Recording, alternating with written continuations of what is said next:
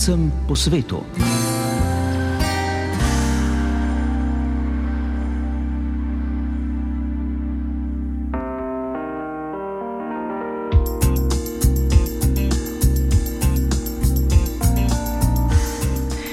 Lepo pozdravljeni v oddaji, ki bo malce drugačna kot običajno.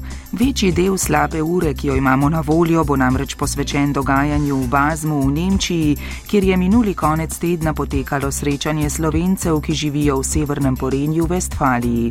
O dogajanju smo pripravili reportažo, ki jo objavljamo v oddaji.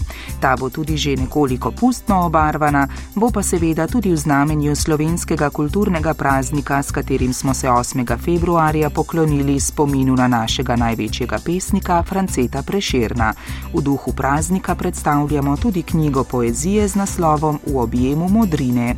Vabljeni k poslušanju, torej skozi odajo vas bom popeljala živa trček, za glasbo je tudi tokrat poskrbel Jane Weber.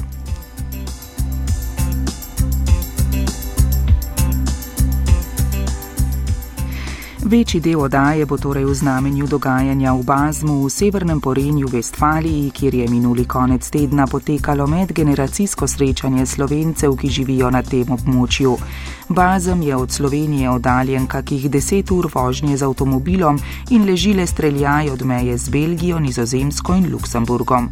Od prejšnjega petka do nedelje je torej v tem kraju, obdanem z naravo, potekalo srečanje slovencev, ki ga je organiziralo Društvo Slovenski zvon iz Krefelda z namenom povezovanja in sproščenega druženja odraslih in otrok, pa seveda tudi z namenom tkanja novih slovenskih vezi in prijateljstev, kar je še posebej dragoceno za mlade slovence, ki se že rodijo v Nemčiji in od rojstva odraščajo v nemškem okolju. V deževnem februarju, tudi s kakšno umestno snežinko, so se v Bazmu zbrali slovenci več generacij, od dojenčkov, malčkov in osnovnošolcev starši, pa vse do starejših, ki so se iz Slovenije izselili v Nemčijo pred več desetletji.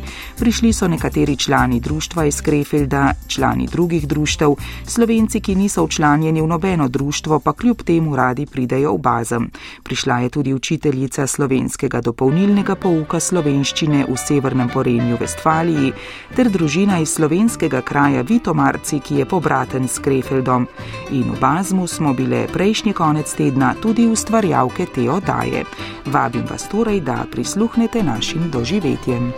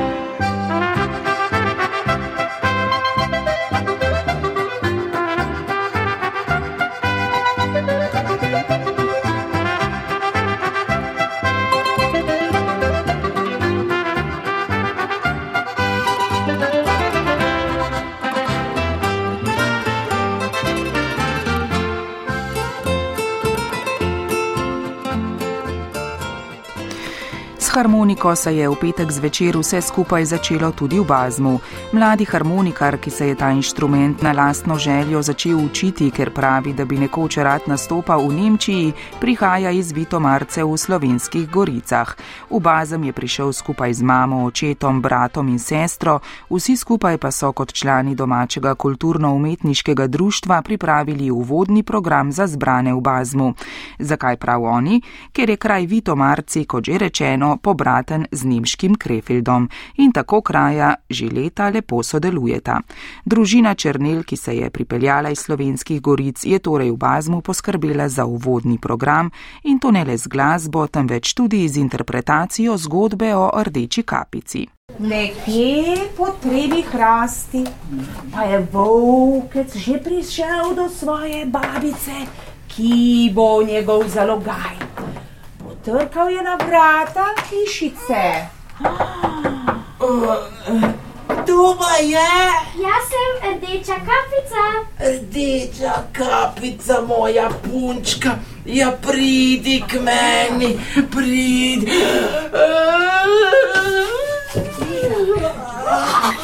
Takoj, ko je volk stopil, je že požrl babico in se ulegel na posteljo in čakal, čakal, čakal, da pride še rdeča kapica. Zdaj je že bila na poti.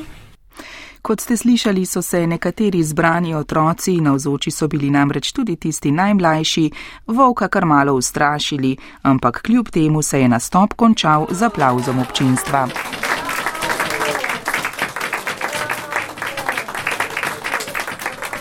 Besedo so v vodoma seveda dobili tudi tisti, ki so organizirali srečanje in se potrudili, da je to potekalo v res prijetnem in sproščenem vzdušju, kar je prepričana sem lepo slišati tudi prek zvoka, ki vam ga prenašamo. Za organizacijo srečanja sta poskrbela Darja in Rado brate iz društva iz Krefelda. Darja je zbranim, nekateri smo se na tisti petkov večer seveda videli prvič, takole opisala razloge za srečanje. Ker prihajamo iz različnih okolij in doma bolj ali manj govorimo slovensko, imamo pa potrebo potem, da našim otrokom predamo ljubezen do Slovenije, do, materine, do slovenščine um, in da jih spodbujamo, da hodijo v slovensko šolo. Če se pa enkrat ali pa dvakrat na leto dobimo skupaj, pa tudi otroci ostali vidijo, da niso sami, da je več takih, ki se poleg nemške šole udeležuje tudi slovenske šole in um, to je en tak trenutek, ko se lahko otroci sproščeni, ko se lahko družijo v, v različnih delavnicah, delavnicah in skozi igro spoznavajo Slovenijo, slovenščino in neko kulturo slovensko. Besedo je dobila tudi dolgoletna predsednica slovenskega društva iz Krefelda Rozina Lovrenčič, ki že desetletja neumorno skrbi za povezovanje tamkajšnjih slovencev. In ko sem prevzela društvo, vsi smo si nekaj želeli, nekaj kulturnega, nekaj lepega, pa bodi si petje, bodi si gledališke predstave.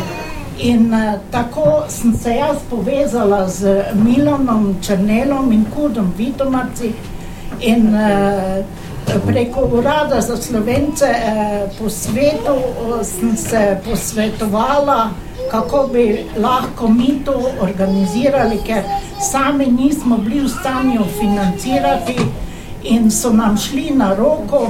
Sama nisem bila eh, sposobna organizirati nekih, ker nisem jaz šolana za to, nekih kulturnih prireditev.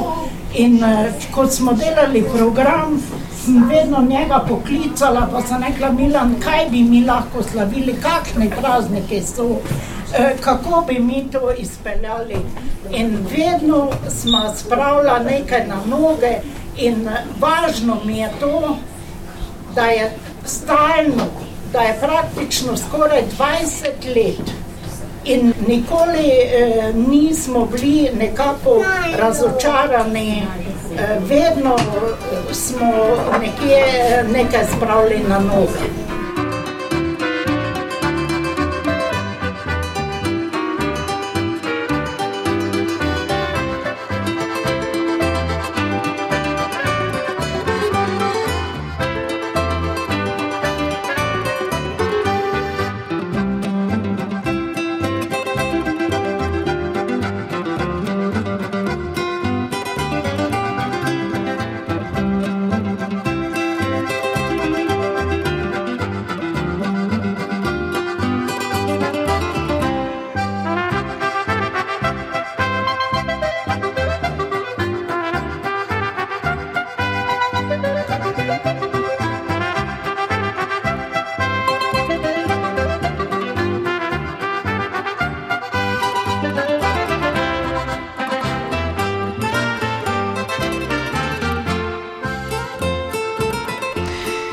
Potem pa se je začelo sproščeno druženje. Zbrani v Bazmu smo v sproščenem vzdušju poslušali življenjske zgodbe.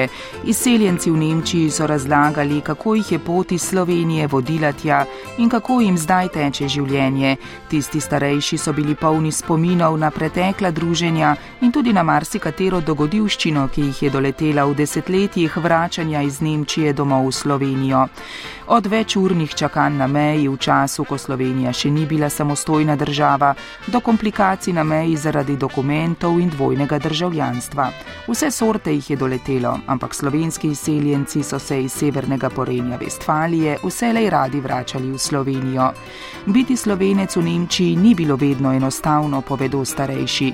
Nekateri so se zato pred desetletji, ko so se jim v Nemčiji rodili otroci, odločili, da bodo z njimi govorili nemško, da otroci v vrtu, šoli in nasploh v nemškem okolju ne bi bili obravnavani kot manj vredni tujci. A tudi med temi, ki so bili 30-40 let nazaj otroci in so se kot otroci starši vselej pogovarjali le nemško, zdaj nekateri starši želijo govoriti v slovenščini, slovenščino pa učijo tudi svoje otroke. Imeli smo recimo priložnost spoznati gospoda v srednjih letih, s katerim je oče slovenec vselej govoril le nemško, gospod pa se zdaj zauzeto uči slovenščino, da bi spoznal jezik pravi ter svoje korenine. Nekateri odrasli se slovenščino učijo na lektoratih v Nemčiji in hodijo tudi na dopolnilni pouk slovenščine. Tega obiskujejo tudi nekateri vnuki in prav vnuki tistih, ki so se v Nemčijo izselili že pred desetletji, ter otroci zdajšnjih izseljencev, ki so jih v Nemčijo po večini pripeljali študij, služba, posel ali pa ljubezen. Takole sta mi Rado in Darja brate opisala, kako sta pred več kot desetletjem začela skupno življenje v Nemčiji. Ljubezen me je prinesla v Nemčijo in sem se preselil pred 22 leti, tam, kjer je takrat stanovala moja žena. In sem se navadil na to okolje, mi je postalo všeč in sem tu ostal. Potem se je ta zveza razdrla in sem čez nekaj let uvozil mojo Darjo. Medva smo se tudi najdla um, v Sloveniji um, in je pač rado rekel, če hočeš biti z mano, moraš v Nemčijo. Malo sem razmišljala, precej um, in uh, se odločila, to je to in šla za njim. Ni bilo enostavno, uh, zdaj sem pa zadovoljna, da sem tukaj. No? 12 let teče. Ja.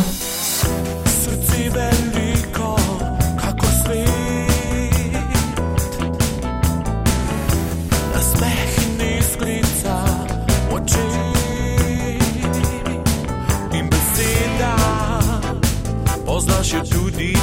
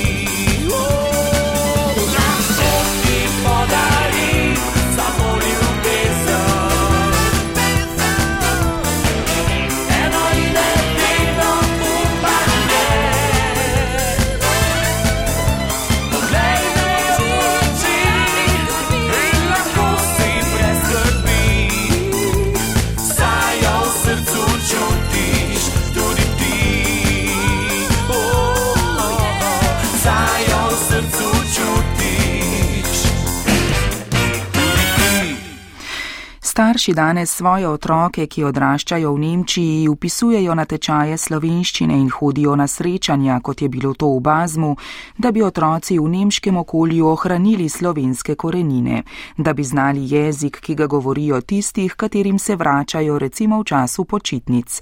Daniela Lovrenčič, hči Rozine Lovrenčič, ki se je rodila in odraščala v Nemčiji, si recimo želi, da bi za nekaj časa lahko prišla bivati v Slovenijo in svoja otroka upisala v slovenski vrtec, da se naučita jezika in da jima da možnost dobiti tisto, kar je ob počitnicah, ki jih je preživljala v Sloveniji, imela sama, predvsem kot pravi stik z domačo kmetijo, naravo. Se mi zdi, da Slovenci še so bolj povezani na lepotost od, od uh, kako se reče, domovine, imajo ra, muziko imajo radi, to jaz zelo pogrešam, ta slovensko muziko, narodno, zabavno, tudi tisto skupnost, da, da imajo velike fešte in um, praznujejo vsi med seboj in skupaj. Slovenija je zelo, na, kako se reče, Naravo? Na, na, naravo, na, narava, to mi to tudi zelo pogrešam um, pri nas in um, tisto, da vsak ima svoj, mogoče svoj vrt, še ve, kako se to vse dela, ker pri nas vse se samo kupuje v trgovini in to je to, ne, ne več tista, da bi si sam kaj ustvaril z vrtom. In jaz rada pol grem v Slovenijo, ker se mi zdi v Nemčiji stalno um, na, na to delaš, kaj hočeš nasleš, kaj, kaj si hočeš spet kupiti. Ja? Na to prišparaš in to in to in to. In Slovenija grem rada, ki pridem na, malo nazaj na to, kaj je resno pomembno. Družina, pa um, tisto skupnost in uh, narava in hribe. Jaz ljubim hribe, ki jih vse lahko gledaš na, na dolge dolino. Ne? Jaz rada tako gledam dol od, od hribah v dolino na hribe, vidiš sneg, um, greš na morje hitro. In tako so se torej slovenci z različnimi zgodbami in različno dobrim znanjem slovenščine zbrali skupaj v Bazmu.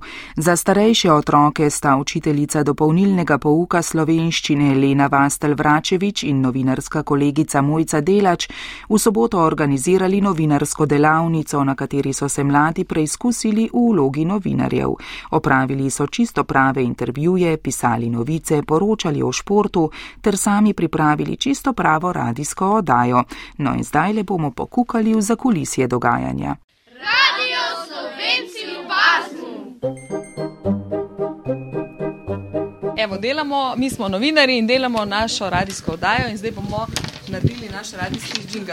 Ko bom dala ena, dva, tri, začnemo prav na moj znak. Pa ne pozabiti, ko sprašuješ, Lija Taja, ajda mikrofon pred, pred sebe. Ko Rozina odgovarja. Kako vam je ime? Ime mi je Rozina Lorenčič. Odkud prihajate? Rojena sem v Sloveniji, živim pa tukaj v Nemčiji. Kdaj ste se preselili v Nemčijo? Pred 52 leti.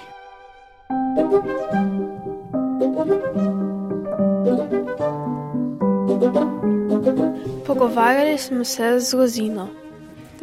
Povedali nam zelo veliko o hrani in tudi malo o pustu. No, veliko nam je rekla o stvarih, ko kuha rada. Jaz sem jo vprašala, a ste kdaj pripravili krofe? A, kaj ti je povedala?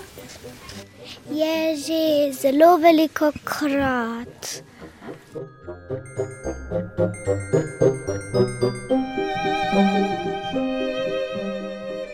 Mi smo uh, radio Slovenci v Bazmu in uh, tukaj so naše vprašanje.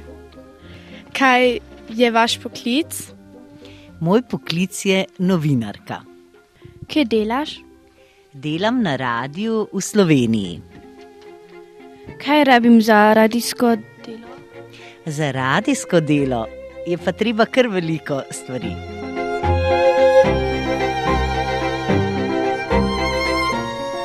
Um, intervju je bil uh, zabaven in ja, fajn je bilo. Bilo je super. Meni je bil intervju zelo, zelo super sestavljen, težka vprašanja, izvirna. Tako da sem se mogla kar potruditi, da sem odgovorila na vsa vprašanja. Moj je bil intervju tudi zabaven in jaz sem veliko se naučila. Hvala, Lili, da si um, kle bila. Um, to je um, zelo dobro. Kako lepo si se to še zahvalil, Evo, super. super.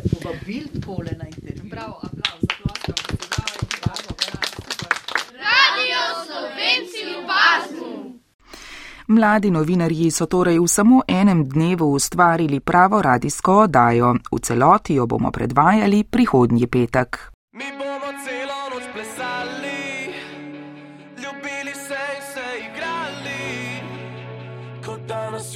več ne bo. Vedno imam besed, da na klet pod nogami ške, mi pa bežimo s prepiha. 810 tisoč let moraš delati le, da duša malo zadiha. Ti loviš, če preživiš, ti ničesar ne dobiš. Si tega res želiš? Sovraštva je za vas. Hvala lepa, ne računajte na nas. Na nas. Mi bomo celo noč plesali,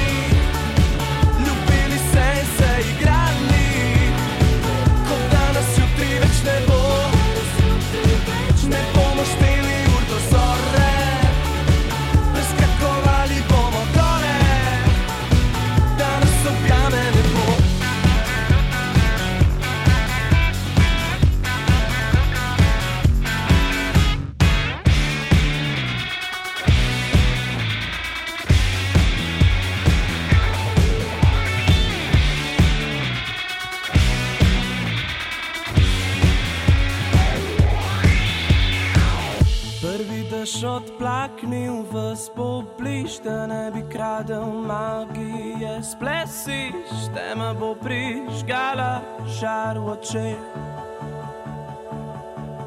Igra sovraštva je za vas, hvala lepa, ne računajte na nas, še bolj na glas. Mi bomo celo noč plesali,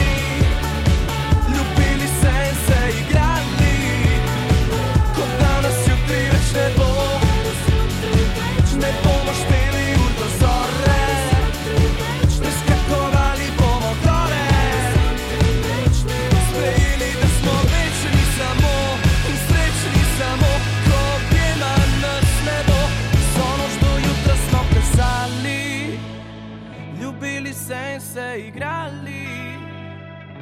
Živeli, kot da jutri nas mogoče več ne bo. Zdaj pa sledi utrinek z druge sobotne delavnice. Medtem ko so se starejši otroci učili osnov novinarstva, so za mlajše pripravili pustno delavnico. Na njej so ustvarjali pustne maske, glavna je bila izdelava maske kurenta. Ne doli, samo kori, poglej, samo ne to imamo. Si dali lepo peresce, kaj pa ustvarjate? Otroci, kaj delamo? Kdo bo povedal? Ha? Was macht ihr jetzt? Jakob, Jakob, povej, kaj delamo. Kurent. Kurenta delate? Ja. To zato, ker je zdaj pustni čas, a ne? Ja, ne? Kaj dela kuren? Kaj dela kuren? Kaj je rekla? Zimo? Zimo, ne vem kaj. Zimo preganja, ne? Torej, tisti, ot tisti otroci, ki niso na novinarskih delavnicah, ker so še malo pre, Majhni, ja, so na pustni delavnici in Tako. ustvarjajo kurente. Tako ustvarjamo kurente, malo prej smo peli slovenske pesmi, pa še eno tako pustno se bomo naučili, da bomo malo pregnali zimo, in se boste- že veselimo pomladi. In boste potem tudi seveda prikazali, kaj ste se naučili Ja, tudi ostalim. bomo, tudi bomo, morda jutri na, na predstavi oziroma na proslavi. No, ampak otroci so bili tako ponosni na ples, ki so se ga naučili, da so morali naučeno pokazati kar takoj po koncu sobotne pustne delavnice. Ringa, ringa, raja, zima nam nagaja. Ringa, ringa, raja, mi kličemo pomlad. No, mlajši otroci pa so se na pustni delavnici naučili še ene slovenske pesmice in plesa. Bela, bela lilija, krogu pleše deklica, deklica se okrog vrti, pa si eno izvoli, poskoči enkrat, poskoči dvakrat, zapri oči, pa si ena izvoli. No, najbolj pa so vsi skupaj v Bazmu plesali na sobotnem pustnem večeru, ki je bil tudi najbolj vesel dogodek minulega konca tedna.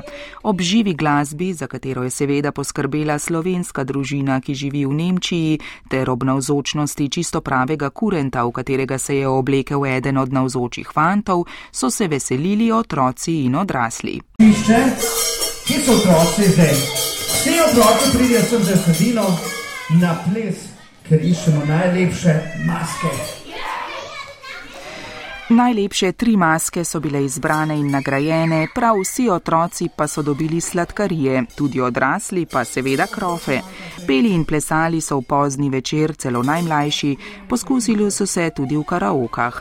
Naj povem, da so bili v pustne šeme oblečeni tudi prav vsi odrasli, to je v Nemčiji navada, so mi povedali. Prav tako je nekaj običajnega, da si otroci za zabave, pa ne le pustne, pobarvajo obraze. V Bazmu je za prave profesionalne poslikave obrazov poskrbela ena od slovenk Valentina, ki se s tem tudi sicer ukvarja. In tako so se otroci, pa tudi kakšen odrasel, v Bazmu spremenili v muce, samoroge, pika polonice in še kaj.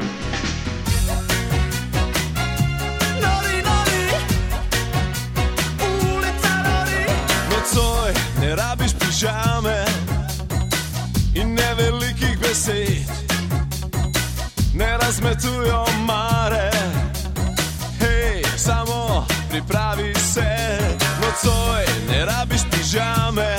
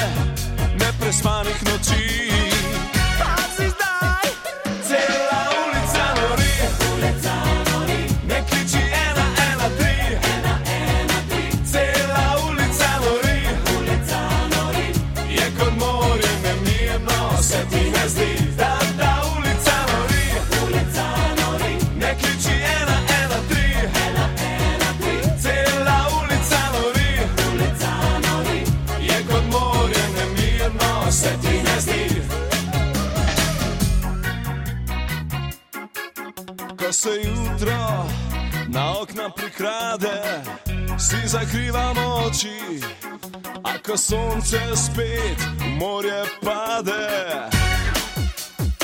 Cela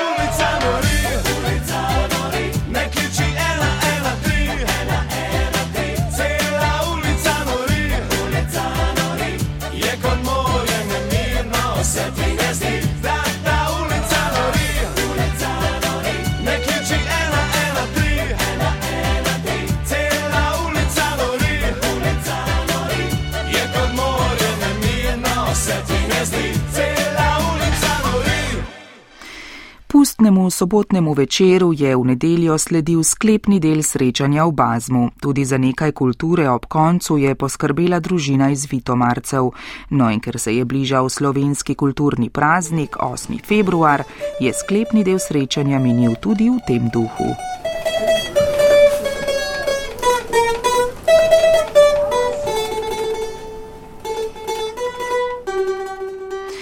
Andreja Černel je povzela pomen kulture tudi za tiste, ki slovensko kulturo spremljajo in jo ohranjajo v tujini. Pomembno je, da jo nosimo v prsih in si je ne dovolimo izkoreniniti. Na slovenski kulturni praznik, ko se spomnimo našega največjega slovenskega pesnika Franceta Prašerna, praznujemo vsi, ki, ki se na kakršen koli način ukvarjamo s slovensko peto, igrano, pripovedovano ali brano besedo. Še posebej pa je to praznik vseh, ki si vsakodnevno prizadevate za njen obstoj, ki se morda v domovini zdi nekaj posem samoumevnega. Pa ni tako preprosto. Navduševati mladi rod, usmerjati, da čuti, vonja, okuša, pleše, poje, ter nasploh doživlja tudi slovensko kulturo, je poslanstvo izjemnega pomena. Za konec sklepne prireditve pa so prav vsi otroci, ki so se tokrat srečali v Bazmu, zbrane presenetili s skupnim plesnim in pevskim nastopom.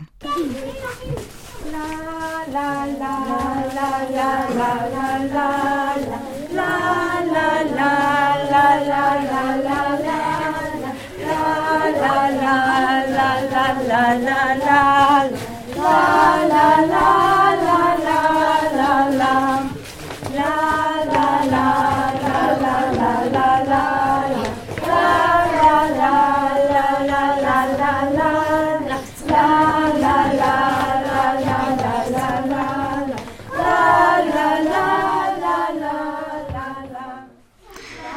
In druženje slovencev iz severnega porenja Vestfalije se je tako končalo z obljubo o čimprejšnjem unovičnem snidenju. Tokratno dogajanje v Bazmu pa bomo, prepričana sem, prav vsi ohranili v lepem spominu. Sonce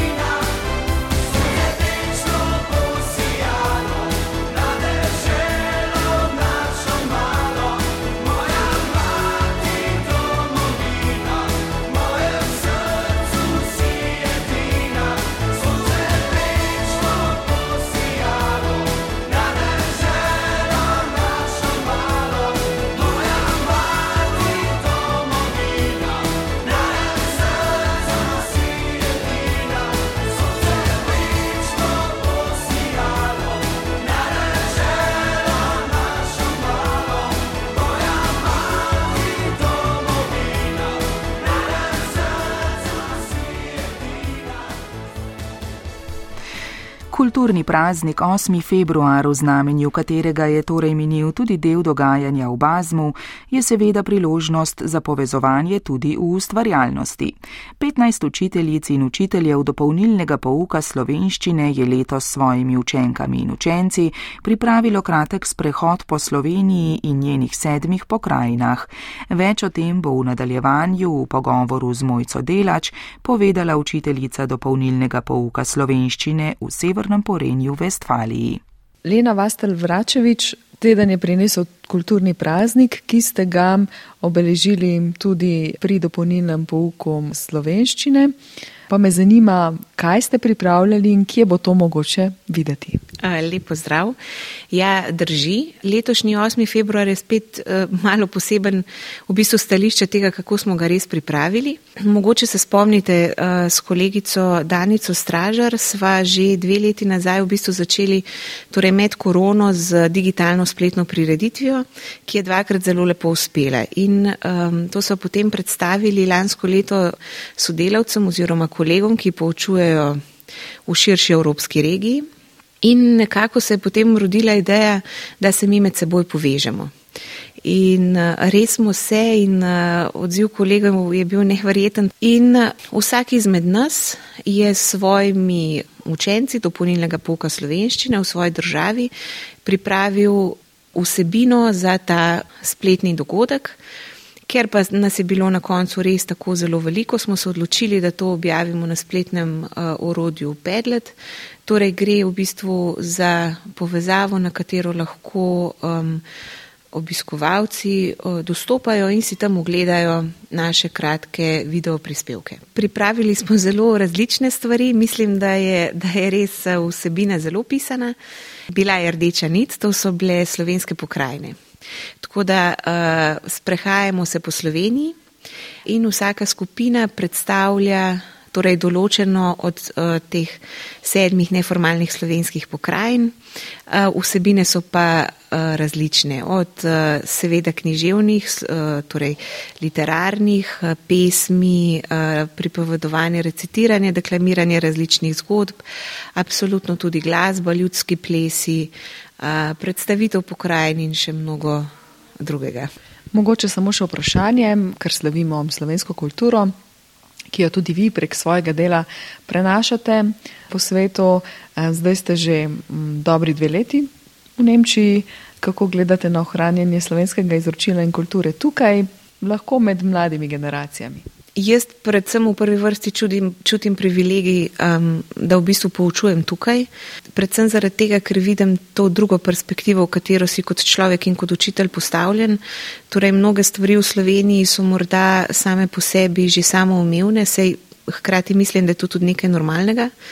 No, v tujini, kjer je pa slovenski jezik v bistvu nekaj, kar absolutno družine spremlja, je pa daleč od samoumevnega v, v velikih primerjih je v družini zares samo en odrasel govorec maternega jezika.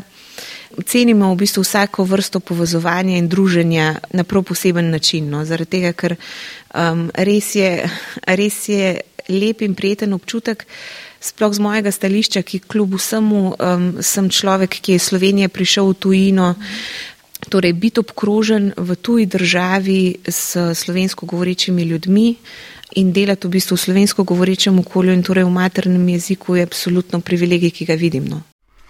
Za res raznolike, pisane in ustvarjalnosti polne prispevke ob slovenskem kulturnem prazniku 2023 z različnih koncev Evrope si lahko ogledate na spletnem portalu Pedlet.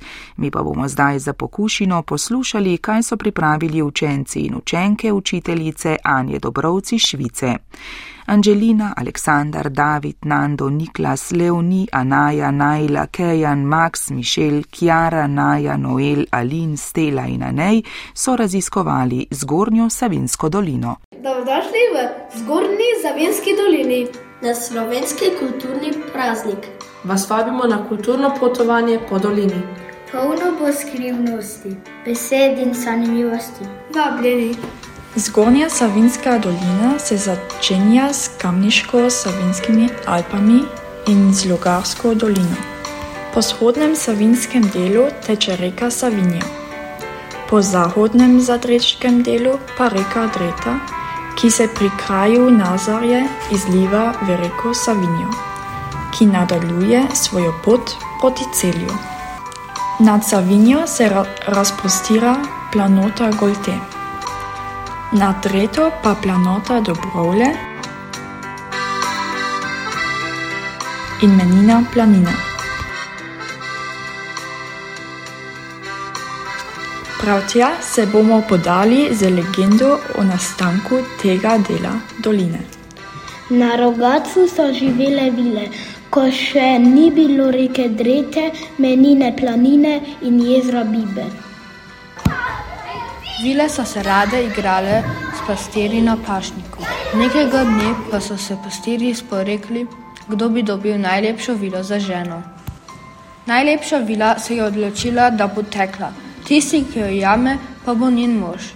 Tekli so in tekli, pa je vila potočila solzo in na mestu, kjer je padla na tla, je nastala deroča reka Dreta.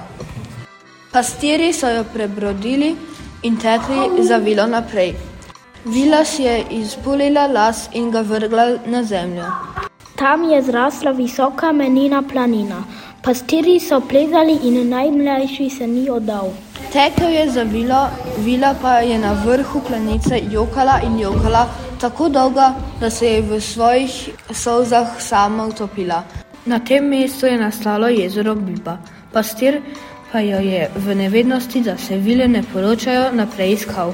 Savinska dolina, Domači moj kraj. najlepša dežela, kar polni mištaj.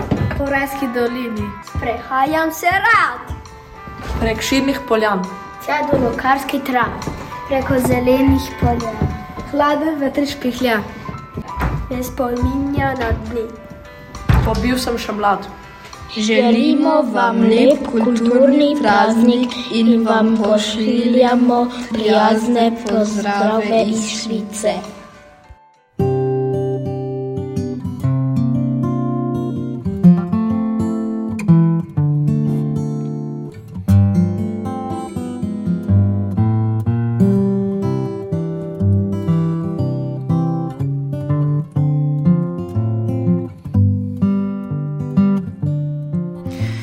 Zdaj pa še k literaturi, kot se seveda tudi spodobi ob 8. februarju.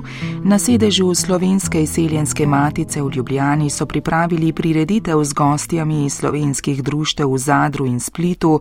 Osrednji dogodek pa je bila predstavitev knjige poezij z naslovom V objemu modrine avtorice Marije Ivoš iz Zadra. Marija Ivoš ima po očetu slovenske korenine, od desetega leta živi v Zadru in je tudi dejavna članica slovenskega društva Lipa. Omenjena pesniška zbirka, ki je išla dvojezično, je njena druga. Večer je popestrila harfistka Bilka Peršič. Nekaj utrinkov z prireditve je zabeležila Lili Brunec. Najprej sta zbrane nagovorila generalna tajnica Slovenske selenske matice Jasmina Ilič in predsednik dr. Boris Jesih. Delovanje Slovenskega kulturnega društva Lipa iz Zadra pa je predstavila članica Majda Radovič. ob slovenskem kulturnem prazniku 8. februarju. Bom povedala pa samo dva stavka. Pravzaprav kultura je seveda en pojem, ki obsega zelo veliko lepih stvari. Je skupek dosežkov in vrednot človeške družbe kot rezultat umskega, zlasti umetniškega delovanja in ustvarjanja. Kultura, klasična in sodobna, je torej naša identiteta, pokaže nam, kdo smo. In danes bomo seveda tudi s predstavitvijo knjige izvedeli malce o tem, kdo smo, mogoče kakšen naš skriti kotiček. Ta praznik, kateremu je namenjena današnja preditev, je verjetno tisti praznik, ne, ki ga praznujemo vse posod in skoraj vsi enako. Se pravi, spominjamo se vse kulture, eh, zavedamo se tega, da je kultura pač del naše biti. Slovenci, ki živijo izven Slovenije, se tega zavedajo, da tudi ustvarjajo. In prav danes imamo priložnost, da bomo brali pesmi slovenke, ki živi v Zadru. In uh, moram reči, v teh pesmih je tudi nekaj spomina na to, da izhaja iz Slovenije. Gospa Majda Radovič iz Slovenskega kulturnega društva Lipa bo predstavila malo delovanje društva v Zadru. Društvo Lipa Zadar je bilo ustanovljeno 27. decembra 2004. leta. Naslednje leto, 2005, je sprejeto v Zvezo slovenskih društev Hrvaške. Darja Jusov je kot prva predsednica že 18 let uspešno vodi društvo, ki danes šteje okoli 86 članov iz različnih delov Zadarske županije. Takoj po ustanovitvi leta 2006 se je društvo predstavilo na prvem mednarodnem dnevu kulturne razlikosti sodeluje že 16 let in predstavlja tradicionalne slovenske jedi ter organizira nastopa folklornih, pevskih, harmonikaških, tamboraških, citraških skupin, kulturnih društev Slovenije in Hrvaške. Od leta 2006 društvo sodeluje pri Mostu prijateljstva, glasilo koordinacije narodnih manjšin Zadarske županije. Vsakega februara društvo obeležuje slovenski kulturni praznik to je prišelno dan. Tema je kultura nas povezuje. Do sedaj je društvo organiziralo 221. program. Nadaljujemo s podbudno mednarodnega sodelovanja, kako tudi čuvanja slovenskih običajev in jezika. Lipa je spostavila stike in pripravila nastope z več kot 30 društvi iz Hrvaške in Slovenije. Najpomembnejša dejavnost je likovna kolonija v Turnju, ki že od leta 2008 v mesecu maju privablja ljubiteljske in akademske slikarje iz slovenskih društev na Hrvaškem in Slovenije ter Bosne in Hercegovine. Kolonija je pod umetniškim vodstvom Marije Ivoš, društvo sodeluje slovensko izseljensko matica, uspešno so izvedeni številni skupni projekti. Danes predstavljamo skupni projekt Lipe Zadar in slovenske izseljenske matice, že drugo dvojezično zbirko pesmi v objemu modrine. Avtorice Marije Ivoš, članice Lipe Zadar.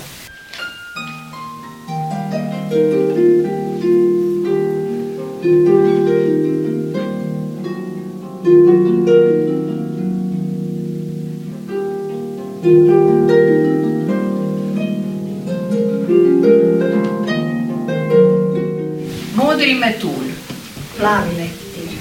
Ko bo počasi utonila v modrem valu, polako, kad utone v plavem valu, popolnoma pomodrelem, onako oplavljenom in poljubljenem modro i poljubljenom plavo.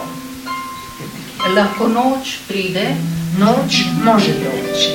Tiho, neslišno, modro. Tiha, bezglasna plava. Tole je bil odlomek iz pesmi Modri metulj, ki sta jo v slovenščini in hrvaščini prebrali učiteljica slovenskega jezika iz Splita Vera Hrga in avtorica Marija Ivoš iz Zadra, ki je strnila tudi nekaj povdarkov o svojem ustvarjanju in povezovanju s slovenskim društvom Lipa, najprej odkot pride ustvarjalni navdih. Inspiracija je život. Navdih je življenje, tisti vsakodnevni, tisti, ki boli. Pravzaprav vsaka pesem je nastala iz ranjene duše. Iz ranjene duše. O čem govorijo vaše pesmi?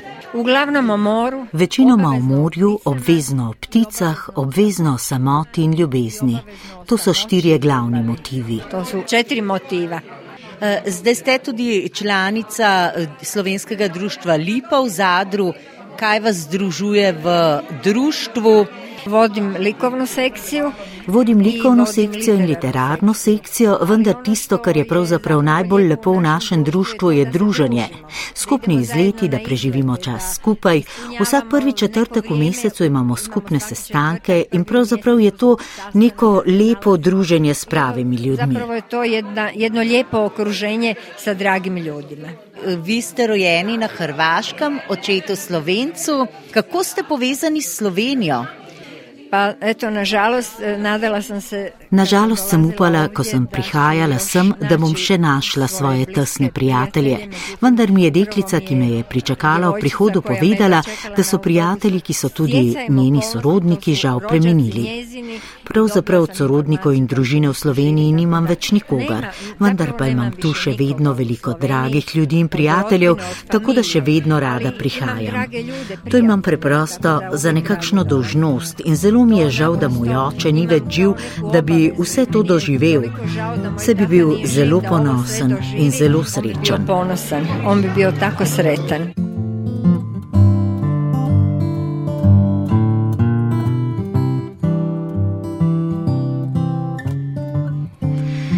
In ob teh nežnih tonih tudi končujemo tokratno oddajo.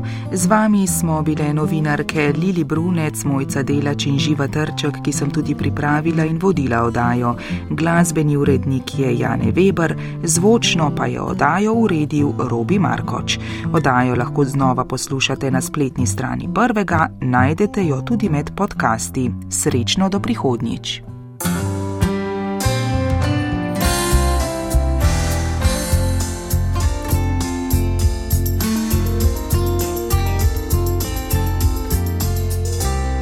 Slovencem po svetu.